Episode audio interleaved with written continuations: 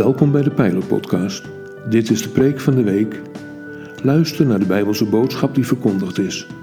We hopen dat je groeit in kennis en liefde voor Jezus Christus.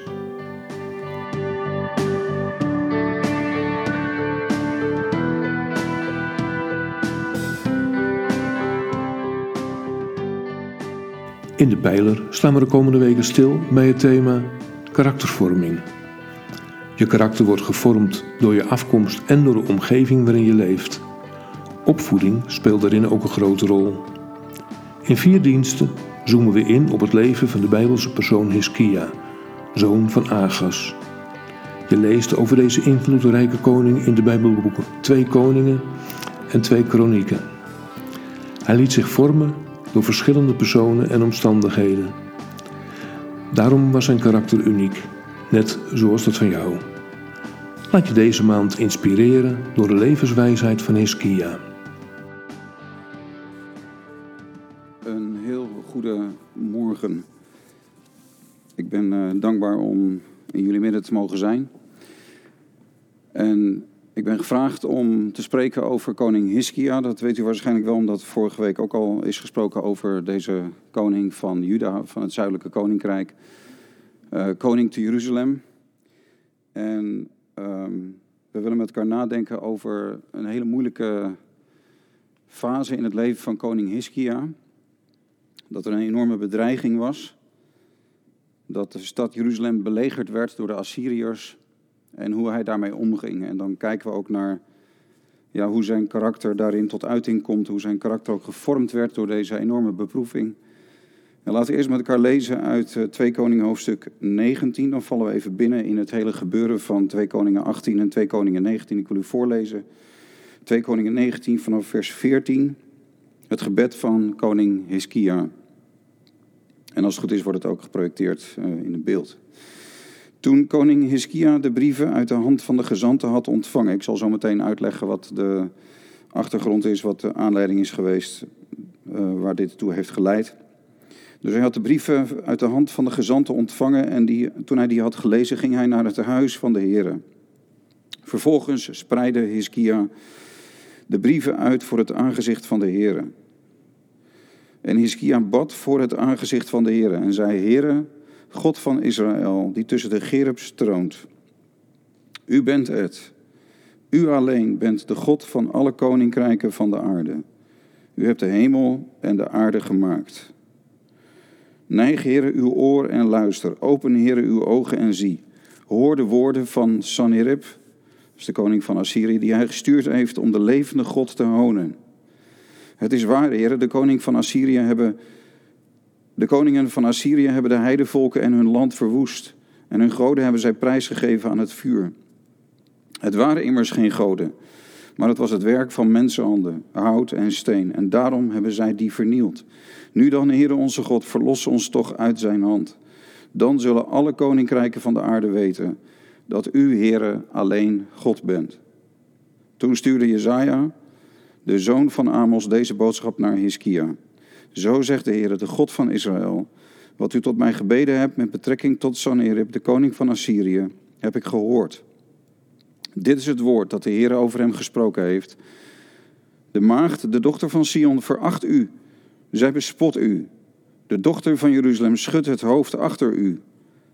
Wie hebt u gehoond en gelasterd? Tegen wie hebt u de stem verheven en u hoogmoedig opgeheven? Tegen de heilige van Israël. Laten we kort samen bidden voordat we hier verder met elkaar over nadenken. Lief Vader in de hemel, Heer onze God, we danken u dat u ons uw woord hebt gegeven, dat we in de Bijbel mogen lezen, de Heilige Schrift, dat u zich bekend hebt gemaakt en dat u ook zich aan ons bekend maakt door deze geschiedenis van 2700 jaar geleden. We danken u dat u daarin heeft laten zien dat u, de God van Israël, de enige waarachtige God bent. We danken u dat wij u hebben mogen leren kennen en wij bidden u dat u ons in deze momenten, als we hier verder met elkaar over nadenken, dat u ons licht wilt geven in ons denken en in ons hart. We kunnen het zelf niet allemaal uitzoeken, we kunnen het zelf niet bedenken, we kunnen het zelf niet gaan zien. Maar u bent het die onze ogen kunt openen. En daar bidden we om dat we in deze korte momenten van overdenking van uw woord, dat we meer van uw glorie mogen zien. Zegen ons daarmee in Jezus' naam. Amen. In hoofdstuk 18 lezen wij dat Hiskia leefde in de tijd dat het, um, het noordelijke koninkrijk, het koninkrijk van Israël, je hebt het koninkrijk van Israël en het koninkrijk van Juda, hè, dus het noordelijke koninkrijk en het zuidelijke koninkrijk in die tijd. En Hiskia is 25 als hij koning wordt. Zes jaar later, hij was toen dus 31, zo lezen wij in vers 9 eh, en 10 van hoofdstuk 18, is het dat de koning van Assyrië het noordelijke koninkrijk uh, verwoest. 722 voor Christus valt het tienstammenrijk, het noordelijke koninkrijk valt. Wordt overweldigd door de Assyriërs en de, het volk van Israël gaat in ballingschap wordt weggevoerd. Het zuidelijke koninkrijk um, is het koninkrijk, hè, dat is dus het koninkrijk van Juda, waar Hiskia koning van is, met Jeruzalem als hoofdstad. En dan probeert de koning van Assyrië ook het zuidelijke koninkrijk in te nemen. Um, dat, uh, dat lezen wij in deze hoofdstukken. De koning van Assyrië stuurde de opperbevelhebber, de bevelhebber van de hofhouding, Um, en de commandant van Lakis naar Jeruzalem, naar koning Hiskia met een sterke legermacht. Dus het leger van de Assyriërs trekt verder op, uh, gaat verder door en wil ook het zuidelijke koninkrijk en Jeruzalem overweldigen. Dat is de dreiging waar Hiskia mee te maken kreeg in zijn tijd. Dat is zes jaar na de val van het noordelijke koninkrijk en Hiskia is dan dus 39 jaar oud. En dan lezen wij in hoofdstuk 18 dat de, de koning zelf, de koning van Assyrië, is daar niet bij, maar wel zijn commandant, de commandant van het leger, de opperbevelhebber van het leger. En die begint te spreken tegen de inwoners van Jeruzalem. Jeruzalem is dus belegerd door de Assyriërs. En dan kun je in hoofdstuk 18 lezen dat een enorme psychologische druk wordt uitgeoefend op de bevolking van Jeruzalem en op de uh, verantwoordelijke en ook op de koning van Jeruzalem, op Hiskia. En ze worden bespot, ze worden gehoond. Bijvoorbeeld, er wordt gezegd door deze commandant: Nou, laten we een weddenschap met elkaar aangaan.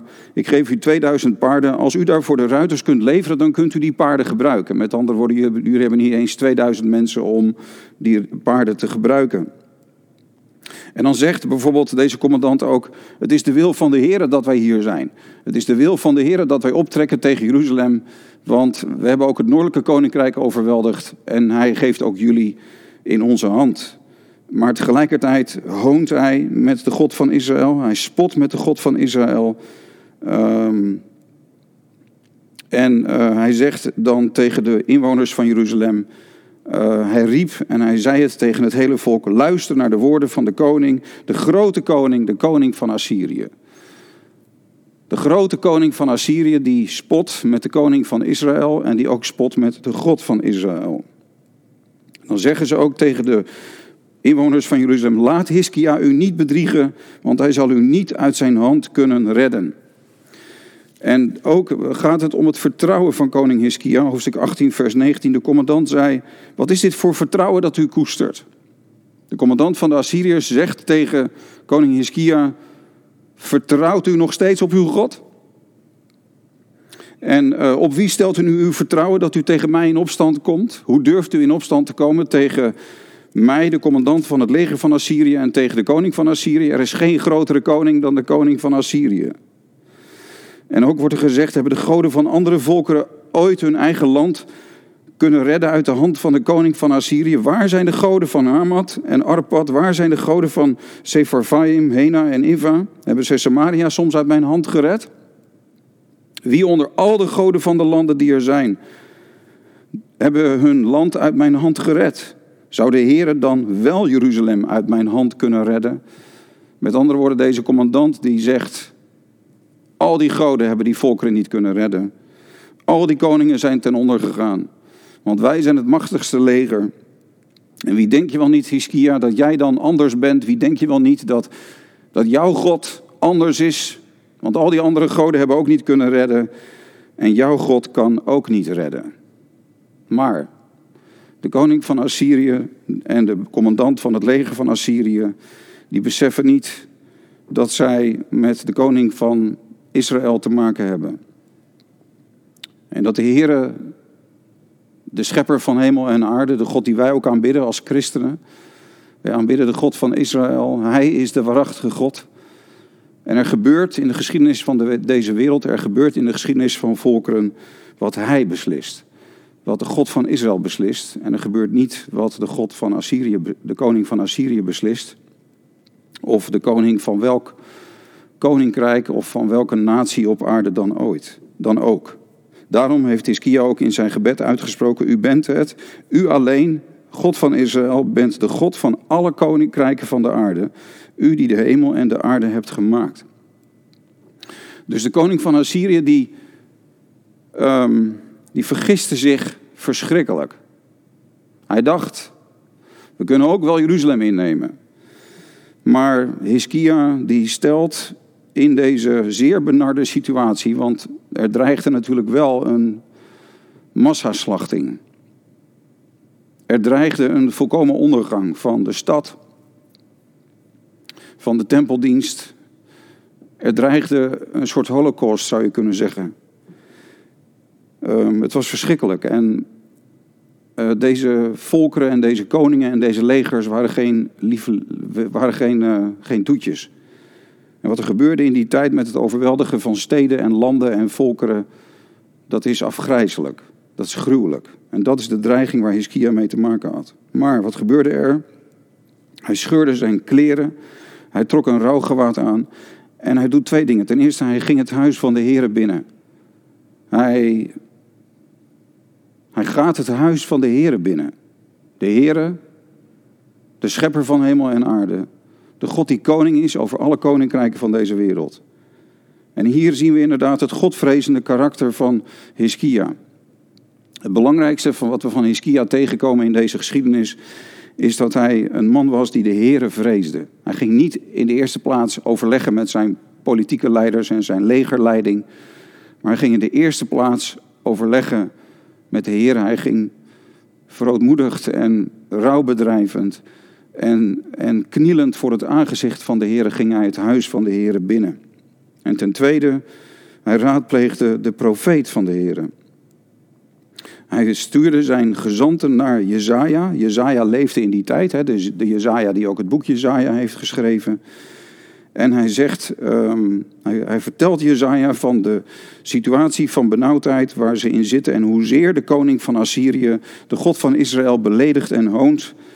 En wilt u dan een gebed opzenden voor het overblijfsel dat er nog te vinden is? Dus hij doet twee dingen. Hij gaat het huis van de Heer binnen en hij vraagt de profeet van de Heer, de man die echt woorden van God al had ontvangen en woorden van God ontving. De man die was geroepen door de Heer om profeet te zijn. Daar neemt Hiskia zijn toevlucht toe. Daar, hij, hij gaat naar Jezaja toe. En dan zegt Jezaja tegen hem, dit moet u tegen uw Heer zeggen. Dat zegt hij tegen de gezanten van koning Hiskia. Zo zegt de Heer, wees niet bevreesd voor de woorden die u gehoord hebt. De woorden waarmee de knechten van de koning van Assyrië mij gelasterd hebben. Dus de Heer zegt, ze hebben mij gelasterd. Ik geef een geest in hem dat hij een gerucht zal horen, zal terugkeren naar zijn land. En dan zal ik hem in zijn land door het zwaard neervellen. De Heer heeft besloten dat de koning van Assyrië geoordeeld zal worden. Om wat hij heeft gedaan met het volk van Juda, met de stad Jeruzalem en met de koning van Juda. Dan inderdaad moet het leger van Assyrië zich terugtrekken. Want een andere strijd krijgt de prioriteit. Maar dan worden er opnieuw gezanten gestuurd naar koning Hiskia. En opnieuw zegt de koning van Assyrië: Vertrouw niet uh, en zeg niet, Jeruzalem zal niet in de hand van de koning van Assyrië gegeven worden. Want u hebt gehoord wat, uh, opnieuw gaat die psychologische druk en die dreiging die blijft bestaan. Ook al trekt het volk zich nu wel terug, uh, de Assyriërs trekken zich terug. Maar dan opnieuw, en dan vinden we dat gebed van Hiskia, dat we zojuist hebben gelezen met elkaar. En wat gebeurt er daarna? Um, dan zien we dat, dat de Heer heel duidelijk zegt, Opnieuw in antwoord op het gebed van koning Hiskia. Daarom, zo zegt de Heer over de koning van Assyrië: Hij zal deze stad niet binnenkomen. Hij zal daar geen pijl in schieten en haar met geen schild tegemoet komen en tegen haar geen belegeringsdam opwerpen. Langs de weg waarover hij gekomen is, zal hij terugkeren. Maar deze stad zal hij niet binnenkomen, spreekt de Heer. Want ik zal deze stad beschermen door haar te verlossen, omwille van mijzelf en omwille van David, mijn dienaar. De Heer zegt heel duidelijk, het zal niet gebeuren, zoals Jezaja ook al had gezegd. En wat gebeurt er daarna? Nou, wat gebeurt er? Er breekt een virus uit onder het leger van de Assyriërs. Um, in dezelfde nacht, nadat Hiskia dit gebed heeft uitgesproken, in diezelfde nacht trok de engel van de Heer ten strijde tegen het leger van de Assyriërs. Er staat hier dat 185.000 man in één nacht sterven. Er ontstaat een dodelijke ziekte, een zeer besmettelijke ziekte onder de Assyriërs. Tenminste, dat is wat ik erin lees. Misschien is het wel wat anders geweest, maar hoe dan ook. Er staat dat de Heer ervoor zorgde dat er een, grote, groot verderf plaatsvond onder dit Assyrische leger. En de koning van Assyrië, Sanherib, die trok terug naar zijn land en hij verbleef in Nineveh.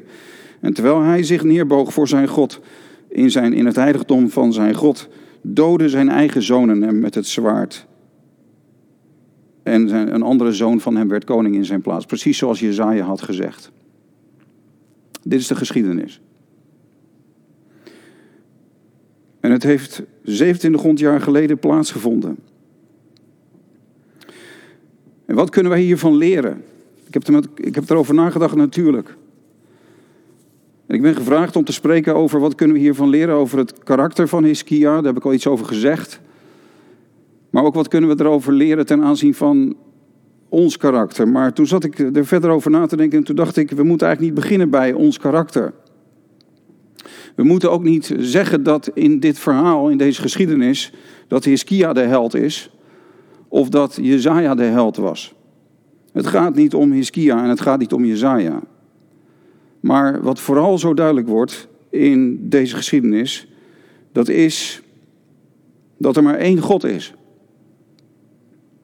Dat alle goden van de volkeren van deze wereld, dat dat niet bestaande goden zijn, en dat er maar één de waarachtige God is. En dat is de Heere. In het Hebreeuws Yahweh.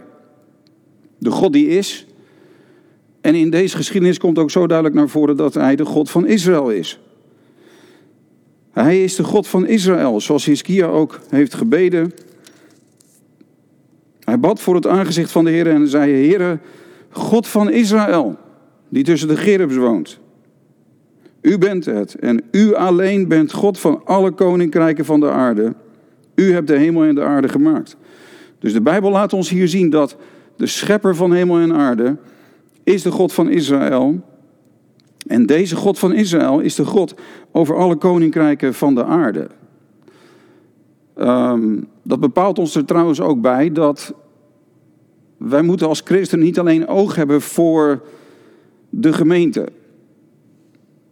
Ik heb de indruk dat, ehm, dat wij alleen maar denken aan de gemeente van Jezus Christus. En dat we alleen maar denken, God is de God van de gemeente, Jezus is de God en is de koning over de gemeente, over zijn lichaam. En dat is natuurlijk ook helemaal waar. En de Heer is bezig om zijn gemeente te formeren uit alle volkeren en stammen en talen en natieën van deze aarde. De geest werkt over de uiteinden der aarde en Steeds meer komen tot geloof in Christus en gaan bij de gemeente horen. Maar de God van de Bijbel is niet alleen de God van de gemeente. Hij is ook de God over alle volkeren van deze wereld. En hij regeert over alle koninkrijken van deze aarde. En hij regeert over de machthebbers van deze wereld. Hij is de God van de geschiedenis. En hij is nog steeds de God van Israël. Hij is nog steeds de God die ook een bijzondere weg gaat met zijn volk Israël. En als je kijkt naar de geschiedenis van het volk Israël sinds Bijbelse tijden, dan wordt dat ook helemaal bevestigd. Dat idee dat Israël nog steeds een apart volk is in de geschiedenis van de volkeren van deze wereld. En dat God ook regeert over de Verenigde Staten van Amerika. Hij regeert over Rusland. Hij regeert over China. Hij regeert over Noord-Korea. En hij regeert over Iran. En hij regeert over de hele situatie in het Midden-Oosten. En hij regeert over alle volkeren van deze aarde. En wat ik ook zat te denken is dat het eigenlijk een heel relevant tekstgedeelte is dat we met elkaar hebben gelezen. Omdat het gaat hier over de belegering van Jeruzalem. Het gaat hier om de stad Jeruzalem. En dat is eigenlijk bijzonder actueel. De hele wereld houdt zich bezig met de stad Jeruzalem in de tijd waarin wij leven. De Verenigde Naties heeft twee weken geleden nog een aparte commissie weer aangesteld van 18 mensen die zich fulltime elke dag van de werkweek gaan bezighouden de komende jaren met Israël. En met de situatie in Israël en het conflict met de Palestijnen. En het conflict tussen Israël en de Palestijnen is in de wereld waarin wij leven door de Verenigde Naties verheven tot het conflict der conflicten. Terwijl er veel verschrikkelijke dingen gebeuren in China met de Oeigoeren. En terwijl Iran dreigt om een hele natie van de kaart te vegen. En terwijl er vreselijke misstanden zijn in allerlei landen waar nauwelijks aandacht voor is. Zoals in Nigeria, waar elk jaar vele duizenden christenen vermoord worden. Is de Verenigde Naties non-stop bezig met Jeruzalem en de status van Jeruzalem en het volk Israël in het land van Israël. Dus het is een heel relevant gedeelte. Bovendien zegt de Bijbel dat in het einde der tijden dat de Heer heeft gezegd: Ik ga Jeruzalem maken tot een bedwelmende beker voor alle volken. Rondom, ook tegen Juda zal het gaan bij de belegering van Jeruzalem. En dan staat er ook: Op die dag zal het gebeuren dat ik alle heidevolken die tegen Jeruzalem oprukken, zal willen wegvagen. Dus de Bijbel leert, in de eindtijd gaat het, gaat de strijd in deze wereld om Jeruzalem en de contouren van die eindstrijd om de stad van de grote koning, om de stad van de vrede. Die contouren van die eindstrijd die gaat komen, die zien we nu al in de wereld waarin wij leven. Dan zien we ook in het gedeelte van 1 Koningen 18 en 1 Koningen 19 dat wat de Heere God al tegen Abraham heeft gezegd, wie u vervloekt zal ik vervloeken, dat dat ook in dit gedeelte weer zo duidelijk wordt. Um, heel duidelijk. Zegt de Heer tegen de koning van Assyrië, omdat u tegen mij tekeer gegaan bent en uw hoogmoed is opgeklommen tot in mijn oren, zal ik mijn haak in uw neus slaan en mijn bit tussen uw lippen en ik zal u doen terugkeren langs de weg waarover u bent gekomen. Tegen wie hebt u uw stem verheven en uw ogen hoogmoedig opgeheven? Tegen de heilige van Israël. En hier probeert de koning van Assyrië het volk van Juda te vervloeken. Dat doet hij letterlijk. Hij vervloekt het volk van Juda en hij vervloekt de God van Israël. Maar de Heer heeft al lang daarvoor gezegd: Wie u vervloekt, zal ik vervloeken. Met de God van Israël valt niet te spotten. En de koning van Assyrië hoonde met deze God. En hij beledigde deze God. En hij maakte hem tot een non-God. En hij zei, al die andere goden hebben ook niet kunnen redden. En jouw God, Hiskia, kan ook niet redden. Maar daar heeft hij zich deerlijk in vergist. Met de God van Israël valt niet te spotten. En dan lezen we ook, zo wonderlijk, weet je wel. Ik vind, je gaat steeds meer zien hoe relevant profetieën zijn. Want dit hele gedeelte staat ook in het boek Jezaja. Dus het is ook een profetisch gedeelte. Dan staat er, want luister naar deze woorden. Want opnieuw zal wat ontkomen en wat overgebleven is van het huis van Juda wortel schieten naar beneden toe en vrucht dragen de hoogte in. Want van Jeruzalem zal uitgaan wat overgebleven is en wat ontkomen is van de berg Sion. En de naijver van de Heer van de legermachten zal dit doen. En toen ik dat las, toen dacht ik, wauw, dat gaat over toen en daar, dat er toen een overblijfsel was en dat de Heer zei, Jullie zullen wortel schieten weer in het land van Juda. Maar het is ook zo relevant voor deze tijd. Als we spreken over een overblijfsel van het volk van Juda. Hè? Het volk van Juda, het volk van de Joden. Nou, wij kunnen terugkijken op de recente geschiedenis en dan kunnen wij meer dan ooit spreken van een overblijfsel van het volk van Juda. Van het volk van de Joden. Ik ben nu weer een boek aan het lezen van een overlevende van de Holocaust. En van de week heb ik nog gelezen van de verschrikkingen die ze heeft meegemaakt in Auschwitz. Edith Eva Eger. Een vrouw van in de negentig nu, die een bestseller heeft geschreven een paar jaar geleden over haar leven. Maar dan word je weer zo bepaald bij die holocaust. Wij leven na de holocaust, na Auschwitz. Maar dan staat hier wat ontkomen is, wat overgebleven is, zal wortel schieten en vrucht dragen. Wat ontkomen is, zal, zal vrucht dragen op de berg van Sion. Het is zo relevant. Israël draagt weer vrucht, woont weer in het land. De, en in dit alles, en dat is het laatste wat ik erover wil zeggen, want mijn tijd is om. Maar in dit alles lezen wij dat de Heere handelt omwille van hemzelf. Hoofdstuk 19, vers 18, daar staat. Um, nee, sorry. Uh, er staat in vers 34: Ik zal deze stad beschermen en haar verlossen omwille van mijzelf en omwille van David, mijn dienaar. En in, ehm, in hoofdstuk 19, eh, vers 18, ja, het waren immers geen goden. Al die andere goden zijn geen goden, maar de God van Israël is de ware God. En in hoofdstuk 19, vers 19, daar staat in het gebed van Hiskia, Heere onze God, verlos ons, dan zullen alle koninkrijken van de aarde weten dat u, Heere, alleen God bent. Dan zullen alle koninkrijken van de aarde weten dat u alleen, Heere, God bent. De Heere God verheerlijkt zijn naam door wat er gebeurt in de geschiedenis. Ik durf te beweren dat de Heere God ook zijn naam verheerlijkt door wat er in de recente geschiedenis gebeurd is met Israël en wat er vandaag de dag gebeurt met Israël. Het is niet goed als wij als christenen geen oog hebben voor hoe de Heer in deze tijd zijn naam verheerlijkt. Door op te komen voor het volk van Juda. En door Israël weer, Jeruzalem weer te vestigen als de stad van de grote koning. Allemaal in voorbereiding op de koning der koningen. De wederkomst van de Messias van Israël. De leeuw van Juda, waar we zojuist over hebben gezongen, hij is in aantocht. En het herstel van Jeruzalem in deze tijd is natuurlijk voorbereiding daarop. Maar in dit alles is het de Heer die handelt omwille van zijn naam. Ik moest ook denken aan de confrontatie tussen Elia en de profeten van Baal. En uiteindelijk zegt het volk dan, als al die profeten van Baal verschrikkelijk, verschrikkelijk ten onder zijn gegaan, zegt het hele volk, de Heere, Hij is God. De Heere, Hij is God. En ik hoop dat deze overdenking van Gods woord vanmorgen jou dit besef geeft.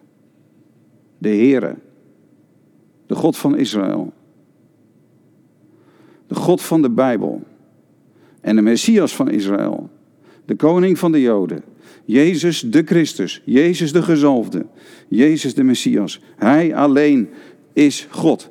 En dat besef vormt ons karakter. Daarom had Hiskia karakter, omdat hij de Heere kende en omdat hij de Heer kende, vertrouwde hij ook op de Heer. En als u zich in een benauwde situatie bevindt, en ook wij bevinden ons soms in zeer benauwde situaties, dan is het enige wat ons echt troost en rust en vrede geeft. Het kennen van de Heer. En dat we diep van binnen zeggen, de Heere, Hij is God. De Heere, Hij is God. Op Hem kan ik vertrouwen. Met heel mijn hart. Geprezen zij zijn naam. Mag ik u kort voorgaan in gebed? Lieve Heer, we danken u dat u zich zo heeft geopenbaard. We danken u dat u in deze geschiedenis ook vanmorgen aan ons laat zien dat u de Almachtige bent. Dat niets en niemand boven u verheven is.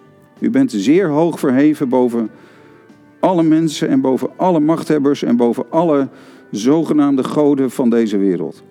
We danken u, Heer, dat u dezelfde bent en dat ook wij, Heer, dat ook wij mogen weten dat de God van Israël, zoals ook Jezaja 40 zegt, uw situatie gaat aan hem niet voorbij, dat we dat mogen weten voor onszelf, dat onze situatie ook aan u niet voorbij gaat. En dat ook wij voor onszelf persoonlijk op u kunnen vertrouwen. Ook als we in benauwdheden terechtkomen in dit leven. Dank u wel, Heer, dat we u mogen kennen. Dat ook wij het huis van de Heer mogen binnengaan. En uw woord mogen raadplegen zoals Hiskia deed. En dat we daarin geweldige troost en bemoediging ontvangen. En dat u ons uitredt uit alle benauwdheden. Geprezen zij uw wonderbare naam. Halleluja. Amen. We gaan samen zingen.